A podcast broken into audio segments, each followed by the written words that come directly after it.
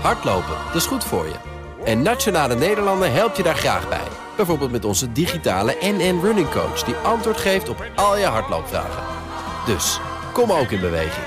Onze support heb je. Kijk op nn.nl slash hardlopen.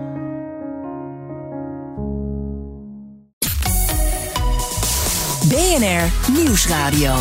De Dutch Podcast Top 20. André Dortmund.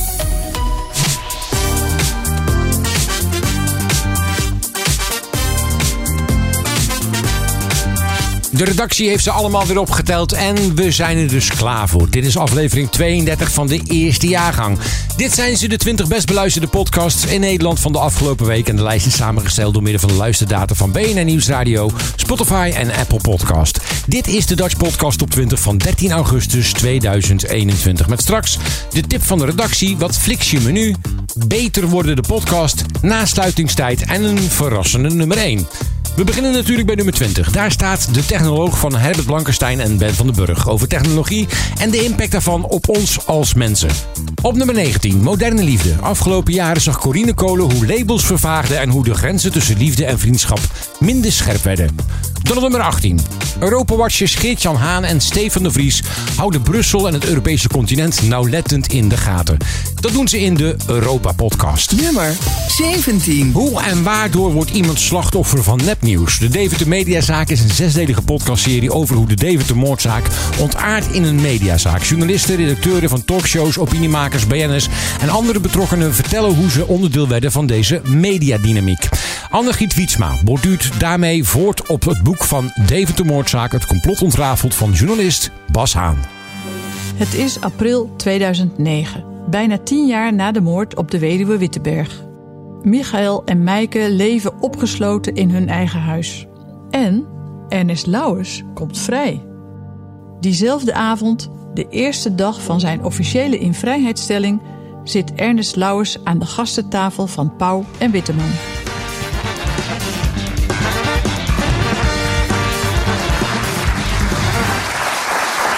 Ja, goedenavond. Goedenavond. Onze gast werd veroordeeld voor de moord op de weduwe Wittenberg in Deventer. Hij blijft volhouden onschuldig te zijn. Vandaag zit zijn straf erop en ook zijn mediaverbod is voorbij. Ernst Lauwers is de gast. Het Hof beveelt de gevangenneming van de verdachte. gaat gewoon door met alle argumenten die de politie aandraagt. Die van vals zijn. Meneer Lauwers, ik- ik- Alles, alles veegt u allemaal weg. Nee, ik ga niet weg. Kom maar!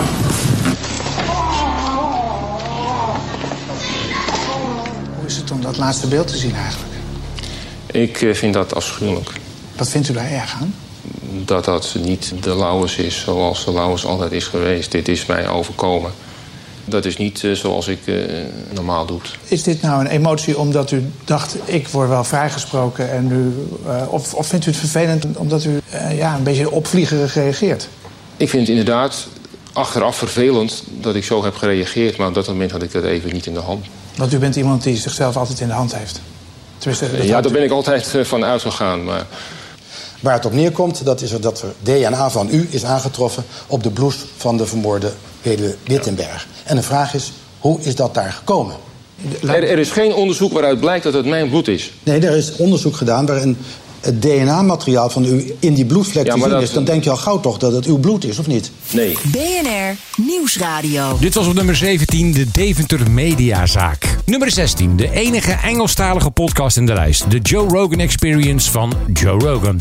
Deze bekende Amerikaan praat met kopstukken uit de US. Dutch Podcast Top 20. De tip van de redactie. Met een steeds groter aanbod van streaming services en giga-aanbod aan programma's wordt het steeds lastiger om de echte pareltjes te ontdekken. In elke aflevering van Wat Flix je menu bespreken ze series, documentaires, films die je kunt zien via verschillende streamingplatforms. Waarom moet je die nou gaan zien? Of moet je hem juist kippen? Hier is een fragment uit de podcast van Helene de Geest, Ferry van Beek en Sander Kerklaan. Wat Flix je menu? De laatste week eh, zijn- er is een behoorlijke opschudding. eh, zeg maar op eh, guiding.nl zag ik ook. eh, over een programma eh, wat op Netflix eh, draait. en ik heb er ook eh, naar gekeken. Dat is Sex Life. Ja. Wat is er nou toch allemaal mee aan de hand, eh, Emma? Vertel het me eens. Nou, het is een. eh, ik moest hem recenseren. Eh, ik had al het vermoeden dat het niet zoveel soep zou zijn. Maar ja, als goede recensent ga je dan toch die hele serie zitten te bekijken. Nou, het gaat over, over een verveelde huisvrouw. die getrouwd is met de perfecte man en verlangt naar haar hele wilde ex-vriendje.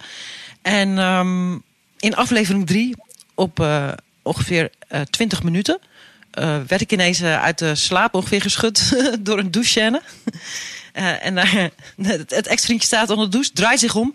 Zijn piemel is vol in beeld. Nou, en die is werkelijk enorm. Ik doe het nu ongeveer voor. Dit, dit werkt. Was niet in beeld zelfs. Ik heb, dus ik bar- ik barst in lachen uit. En nu blijkt dat het een heel ding is geworden op, op internet en op TikTok en zo. En iedereen filmt elkaar terwijl ze elkaar die scène laten zien om de reactie te, te, te op te nemen. Het is, het is werkelijk idioot. Maar hij- is, eh, ik heb het uitgezocht, hij is echt. Dus dat was Ja, het nieuws van vandaag. Ja, heb je hem nagemeten ook, of niet? Eh, nee. nee, maar eh, de, de, En daardoor krijgt die serie zoveel aandacht dus. Ja, Dat, is, dat, is, dat is mijn punt. Want het is- een verschrikkelijk slechte serie. Ja, ik heb hem één ster gegeven. Maar wel heel slim gedaan natuurlijk, hè? Ja, hij staat al, Ja. hij staat al de hele week op nummer 1 in de Netflix top 10. Dus iedereen kijkt ernaar. Zo zie je maar weer. Kijk, en met een, eh, als filmmaker kan, ben ik meteen geïnteresseerd hoe ze dat gefilmd hebben. Want ja, eh, je kan een piemel zo klein en zo groot maken als je maar wil. Dat ligt maar net hoe je de camera-instelling... Deze was niet klein te krijgen, kan ik je melden.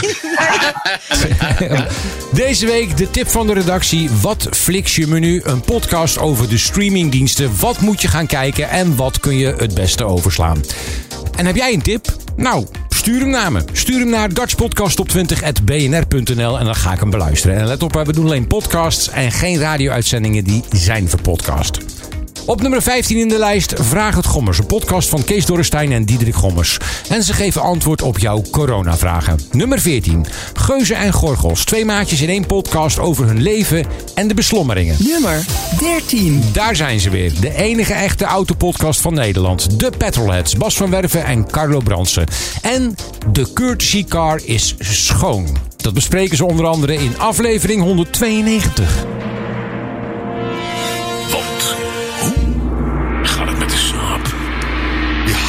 Afgelopen maandag zijn wij begonnen met de Zo. saap. Zo. En het mooiste is, hij De is aftrap. de aftrap. Los van het feit dat wij eh, een hele mooie saap gekocht hebben voor weinig, hebben we hem zonder iets aan het, aan het interieur of exterieur te doen, een 30 kilo lichter gemaakt. Ongelooflijk. Ongelooflijk. Het was. Het was eh, we hadden de taken goed verdeeld. Ja. Jij, ging, jij stortte hier op de techniek. Ja. Het uitkrijgen van alle controlelampjes in het dashboard en dat Ja. soort dingen. En zo. En, eh, alles wat er gebeurt. Zo'n auto gaat nou eenmaal vastzitten als die een jaar of anderhalf jaar stilstaat. En ik heb mij gericht op het cleanen Ja. van de dingen die je niet ziet. Mhm. Want dat is een wijze les uit de historie van deze podcast. Een auto is pas schoon op het moment dat hij schoon is op, de plekken, die je niet ziet. die je niet ziet. Nou, en daar ben jij met, De richeltjes, met de rubbertjes. allesreiniger en, en, en doekjes ben je de hele dag bezig. Ik leek wel een wijf, jongen. Het is echt niet te geloven. Elk rubbertje, elk dit, binnenkant, scharnieren. En zo, als je hem nu ook open doet en dicht doet, dat kraakt en dat piept. Want dat zit geen, er zit, geen niks meer in. meer op. Nee.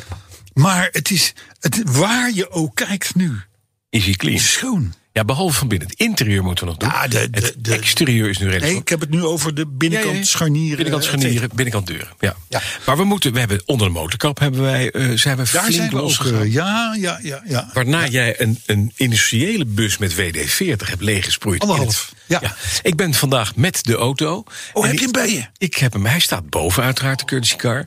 En eh ik die nog? Nou, het punt is dat ik reed de garage in en het ruikt een beetje naar een slechte Chinees. Dat kan, ja, Ja. dat kan. Ja, het ruikt naar een Chinees die al, al, al drie jaar geleden zijn frituurvet had moeten vervangen. En de dimsum is nog steeds erin flikkert. Nou, zo ruikt de saap nu door jouw WD-40. Dutch Podcast Top 20. André Dortmund. Op nummer 13 dus de Petrolheads. Op nummer 12 NRC Vandaag van het NRC. En elke dag een podcast over het actuele nieuws. Nummer 11, jouw gids in de cryptovaluta. En dat heet de Cryptocast en is van Herbert Blankenstein. Nummer 10. Beter worden. Een wielrenpodcast, maar niet zomaar eentje. Maar het gaat over hoe je jezelf kunt verbeteren op de fiets. Je zou kunnen kijken naar je hartslag. Is je hartslag hoger of lager? En dat zou je wat kunnen vertellen over intensiteit. Of, en dat is dus... Nou, het is wel zo denk ik dat de afgelopen tien jaar ongeveer is de vermogensmeter wel echt vercommercialiseerd. Hij is wel beschikbaar geworden tot de echt grote markt. Vroeger was SRM duur, dat bedoel je? Nou, Toch? en het had ook een patent. Oké. En dat moest eerst verlopen voordat andere eh, vermogensmeters, fabrikanten op de markt konden komen. Wat, wat kost een Eh, vermogensmeter nu? eh, nou ja, nu kan je een, bijvoorbeeld een enkelzijdige, eigenlijk echt plug-and-play eh, vermogensmeter. Dus dan heb je aan één kant meet je dan dat vermogen.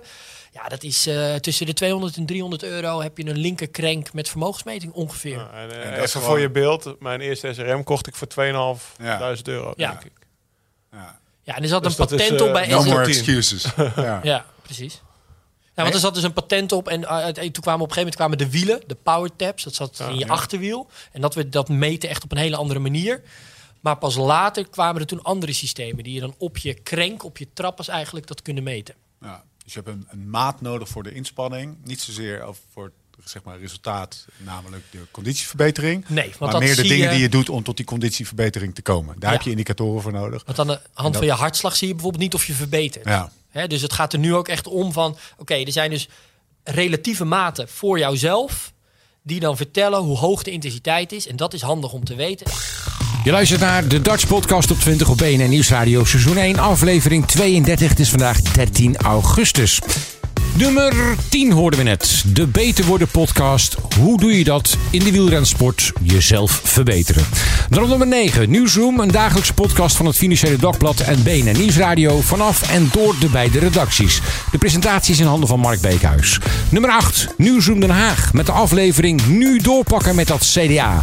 Ulko Jonkers van het FD, Mark Beekhuis en Thomas van Groningen van BNN Nieuwsradio. Over het CDA. En het andere, ook bij Grapperhaus. Eh, we gaan, het is echt een thema-aflevering over het CDA. De landsadvocaat, die toch steeds meer onder vuur ligt. Hè? Het kantoor, van, eh, advocatenkantoor, Pelserijke. Eh, waar het FD ook heel veel over geschreven heeft. Dat was jij misschien niet, dat waren meer... eh, Ja, ik wat eh, minder. Joost. Nee, klopt. Ik, kom- ik kom natuurlijk de landsadvocaat kom je regelmatig tegen in allerlei eh, eh, procedures. Ook als je het over de Belastingdienst hebt of over de toeslagenaffaire. Er zijn allerlei zaken waar de landsadvocaat voorbij komt. Het, als zodanig, het, het kantoor, eh, ja, dat is nooit ter discussie eh, geweest. Maar Oh ja, ik kan maar me voorstellen wel, dat er waren wat criminele zaken dat is, gebeurd. Dat is nu, dat is nu veranderd. Kan Dat je is nu, je hebt nu een heel andere, je hebt nu wat dat betreft een heel ander, heel ander imago en een heel andere uitstraling. En de vraag is dan, ja, wat, ehm, ehm, ja, moet, moet je zo'n heel kantoor afrekenen op, ehm, op wat daar gebeurd is? Ja, ik, ik, ik heb daar gewoon te weinig zicht op. Ik ben relatief nieuw in Den Haag. Hè, en een van de eerste dingen die, die mij verbaasde. eh, eh, en waar ik nog steeds niet een helder antwoord op heb. is waarom de landsadvocaat een uitbesteed. Waarom dat niet een kamer met ambtenaren is? Ja, en, en waarom dat ook één organisatie is, dat heb ik nooit begrepen. Eigenlijk. Ja, nou misschien is dit dan de hint die Den Haag eh, nodig heeft om eh, er eens fris tegenaan te kijken. Ja, nee, dat is, dat is wel zo. Maar je hebt ook, je hebt ook de, de, de, de staat, de overheid heeft ook eh, een, een huisbankier. Eh, ING is ook heel omstreden geweest op een gegeven moment. Door, die, door die hele witwasaffaire. Er zijn zaken waar, eh, waar, ja, waarvan de staat zegt van die leggen, beleggen we bij de professionals. Ehm, en natuurlijk heb je een hele grote ambtelijke dienst en heb je daar ook veel juristen die daar rondlopen. Maar dat is toch iets anders dan een onafhankelijke advocaat. Althans, een min of meer onafhankelijke advocaat. eh, die ook procedures voert eh, in, eh, in de rechtbank. Ja. BNR Nieuwsradio. Op nummer 8 in de Dutch Podcast op 20, Nieuwsroom Den Haag. Elke vrijdag staat er een nieuwe aflevering voor je klaar. Dan op nummer 7, Sam en Rijk, twee jeugdige broers. Die bespreken werkelijk alles in hun podcast. Nummer 6, Jan Posma en Bernard Hammelburg in de Amerika-podcast over het wel en wee in de States. Nummer 5. In Moordcast neemt Dionne Slachter je mee in verschillende mysterieuze moordzaken. En dat doet ze samen met haar broer Hendrik. Dit is aflevering 8. Ja, we gaan het over een eh, hele bijzondere zaak hebben. De Suitcase Killer. Ja, ja en ehm, daar had ik de documentaire van gezien. En toen. ehm, Ja, toen zei je van deze is interessant. ja, is echt interessant. Dit zie je niet zo vaak. Nee, zeker niet. Er is wel iemand voor veroordeeld, maar of er echt een oplossing is en duidelijkheid is, dat niet.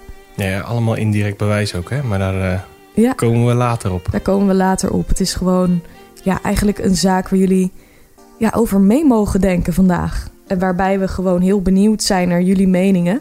En die kunnen jullie achterlaten onder mijn YouTube-video. Ik heb ook een misdaad en make-up hierover gemaakt. Die staat online op mijn YouTube-kanaal Onnedy. Dus als je geïnteresseerd bent, kun je daar even op zoeken en onder die video commenten. Ja, en ik was ook zo enthousiast over deze zaak, omdat het een beetje, het deed me een beetje denken aan onze eerste aflevering, de John Benet Ramsey case. Ja. Ehm, die was onopgelost. Je kan dus, als je deze zaak kent, kan je daarna nog zoveel onderzoek doen. En er zijn zoveel dingen om, eh, om nog tot je te nemen en dan zelf een oordeel te vellen. Ja. Ehm, ja, er is gewoon hierna, na deze podcast, nog heel erg veel informatie te vergaren. En dat ehm, ja, had ik met de John Benet Ramsey case ook. Ja, voel je vooral uitgedaagd, zou ik zeggen. Ja, zeker doen. Ik denk dat we niet langer moeten gaan wachten. Let's go. We gaan maar heel snel beginnen met dit verhaal. Het is 5 mei 2004, vroeg in de ochtend. Vanuit Virginia Beach vertrekken wat vissers met hun kinderen om te gaan vissen in de Chesapeake Bay. Zo ook twee vissersmannen en een zoontje van een van hun. Ze vertrekken per boot voor hun visserstrip en komen aan bij een visserseiland. Hier gooien zij het eh, anker uit en zo ook hun hengels.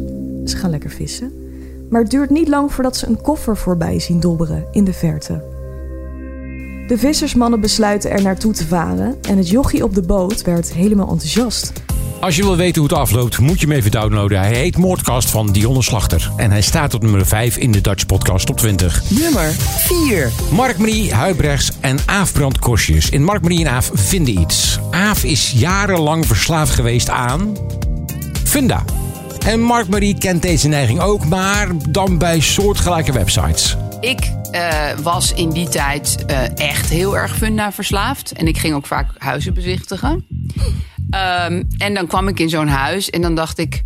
Ja, maar ja, dit is eigenlijk veel te duur, want het moet nog helemaal verbouwd. En oh god, de hele buurt loopt hier rond. En ze zijn al met tonnen aan het flapperen. En hé, wat een deceptie. Nou, dit wordt het toch weer eens helemaal niet. Dat vertelde ik toen een keer aan jou. En toen zei jij, en wie heeft dat gedaan? En dat was ik zelf. Ik was zelf op Funda gaan kijken. Ik had mezelf al helemaal verheugd op een huis wat ik niet kon betalen. Ik was zelf naar het huis gegaan. Ik had zelf die hele bezichtiging. En oh god, ze moeten alles nog. Het dak lekt en de, de fundering is niet goed altijd. Ja. En toen zei jij, en wie heeft dat gedaan? Echt life changing. Dankjewel, Mark. Oh, goed zo. Nou ja, wat, eh, wat goed. Maar het is, het- het- kijk, met, met eh, eh, met mensen die ook naar huizen gaan kijken. Wat ze dan vaak doen, gaan ze eigenlijk naar net te dure huizen kijken. Altijd. En als je dan terug naar je eigen prijsklasse, dan denk je, ja, dit vind ik eigenlijk Wat is dit leuk. voor Ja, armoeige check? Ja, Ja. dus je moet nooit gaan kijken naar huizen die eigenlijk te duur Nee. zijn. Want Nee. daar daar daar frustreer je jezelf zo mee. Want natuurlijk zijn die huizen dan... Ietsje mooier en ietsje groter. wat. En die hebben een tuin. En, Dichter ja. bij de zee en weet ik veel wat. Dus ik zou, ik, dat, dat moet je nooit doen. En, eh, maar jij bent eh, echt wel funda verslaafd geweest, of nog? Ja, nou ja, jouw opmerking heeft me toen geholpen. Want eh, feitelijk gezien waren alle huizen te duur. Op nummer 4 in de Dutch Podcast Top 20. Mark-Marie en Aaf vinden iets. Dan op nummer 3, na sluitingstijd. In juni 2010 maakt Sjoerd Kooistra, de bekende horecamagnaat van Nederland, onverwacht een einde aan zijn leven. Kooistra was eigenaar van het succesvolle horecaconcept De Drie Gezusters. Hij bezat op het hoogtepunt van zijn carrière meer dan 85 horecazaken in heel Nederland en werd geschat op een vermogen van 130 miljoen euro. Maar wie was deze flamboyante man? Die vooral bekend stond om zijn meedogenloze manier van zaken doen. Na sluitingstijd. Een podcast van Meerte Klaus en Geesje Oostland. Het is april van dit jaar. We krijgen een krantenartikel doorgestuurd. Met chocoladeletters staat er in de kop van dit artikel... Villa van wijle horeca-tycoon Sjoerd in Marbella wordt geveild. Het eerste bod ligt er al. 3,5 miljoen euro. Onderaan in het artikel is een filmpje te zien... waarin je wordt rondgeleid door de miljoenenvilla. Het is een gigantisch huis, gelegen in een grote Spaanse vallei. In het filmpje neemt een drone je mee over het landgoed van ruim 700 vierkante meter. Zwembaden, een sportschool, een golfbaan, een bioscoop en natuurlijk een open haard. Hoe kan het dat zo'n prachtige villa meer dan tien jaar later nog steeds niet is verkocht? Hoe zit dat? We willen deze vraag voorleggen aan curator Sjerp Gratema. Dat is die curator waar Martin Nijdam het ook al over had. Hij gaat over het faillissement van het bedrijf van Short, Plasania BV. We hebben de contactgegevens van Sjerp Gratema. Maar het contact verloopt alles behalve soepel. We krijgen hem moeilijk telefonisch te pakken. Hij reageert wel op appjes. Sjerp Gratema zegt niet over de verkoop van deze miljoenenvilla te gaan. Daarvoor moeten we bij iemand anders zijn. Hij verwijst ons door naar een tweede curator, Erik Looyen. Ik ben Erik Looyen, advocaat in Arnhem en sinds 2010 curator in het faillissement van Dick Loorbach en vereffenaar in de nalatenschap van Sjoerd Kooistra. Erik Looyen is makkelijker bereikbaar. Hij is vriendelijk en werkt graag mee. Een paar dagen later zitten we op zijn kantoor in Arnhem. Wat is zeg maar het grote verschil tussen u en SERP? Uh, SERP was curator van de beheersmaatschappij van Kooistra, Plasania Beheer BV.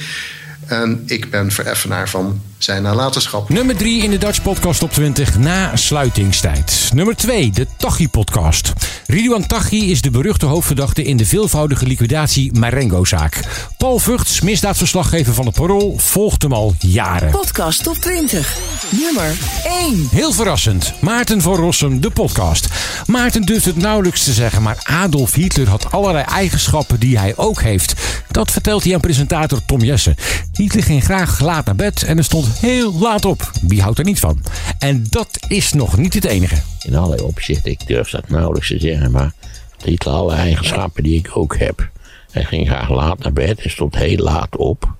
Als we straks aan Normandië bezig zijn, en dan moeten ze de Führer bellen, omdat die moet iets besluiten. En dan er, is ook in die film over Normandië, Le Longus D is dat heel aardig.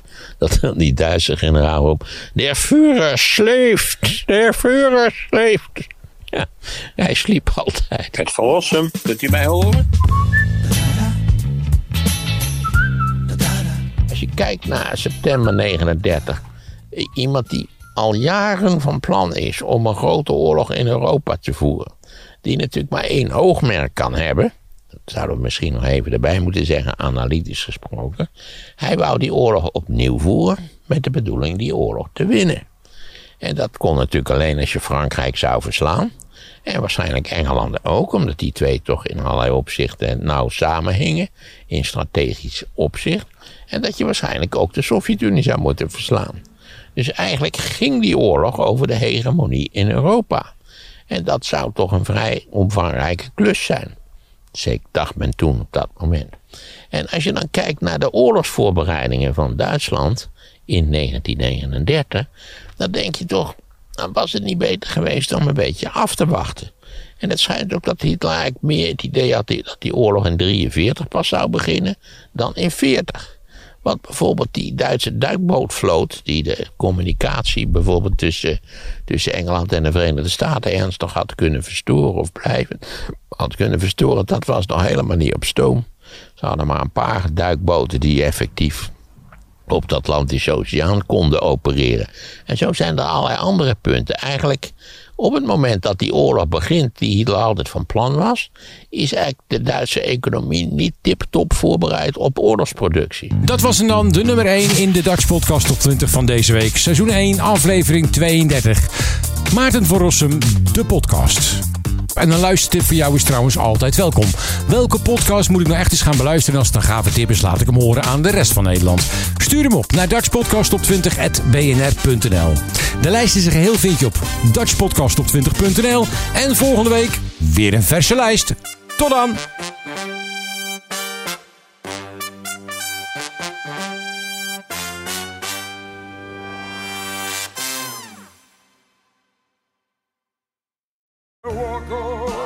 Hardlopen, dat is goed voor je.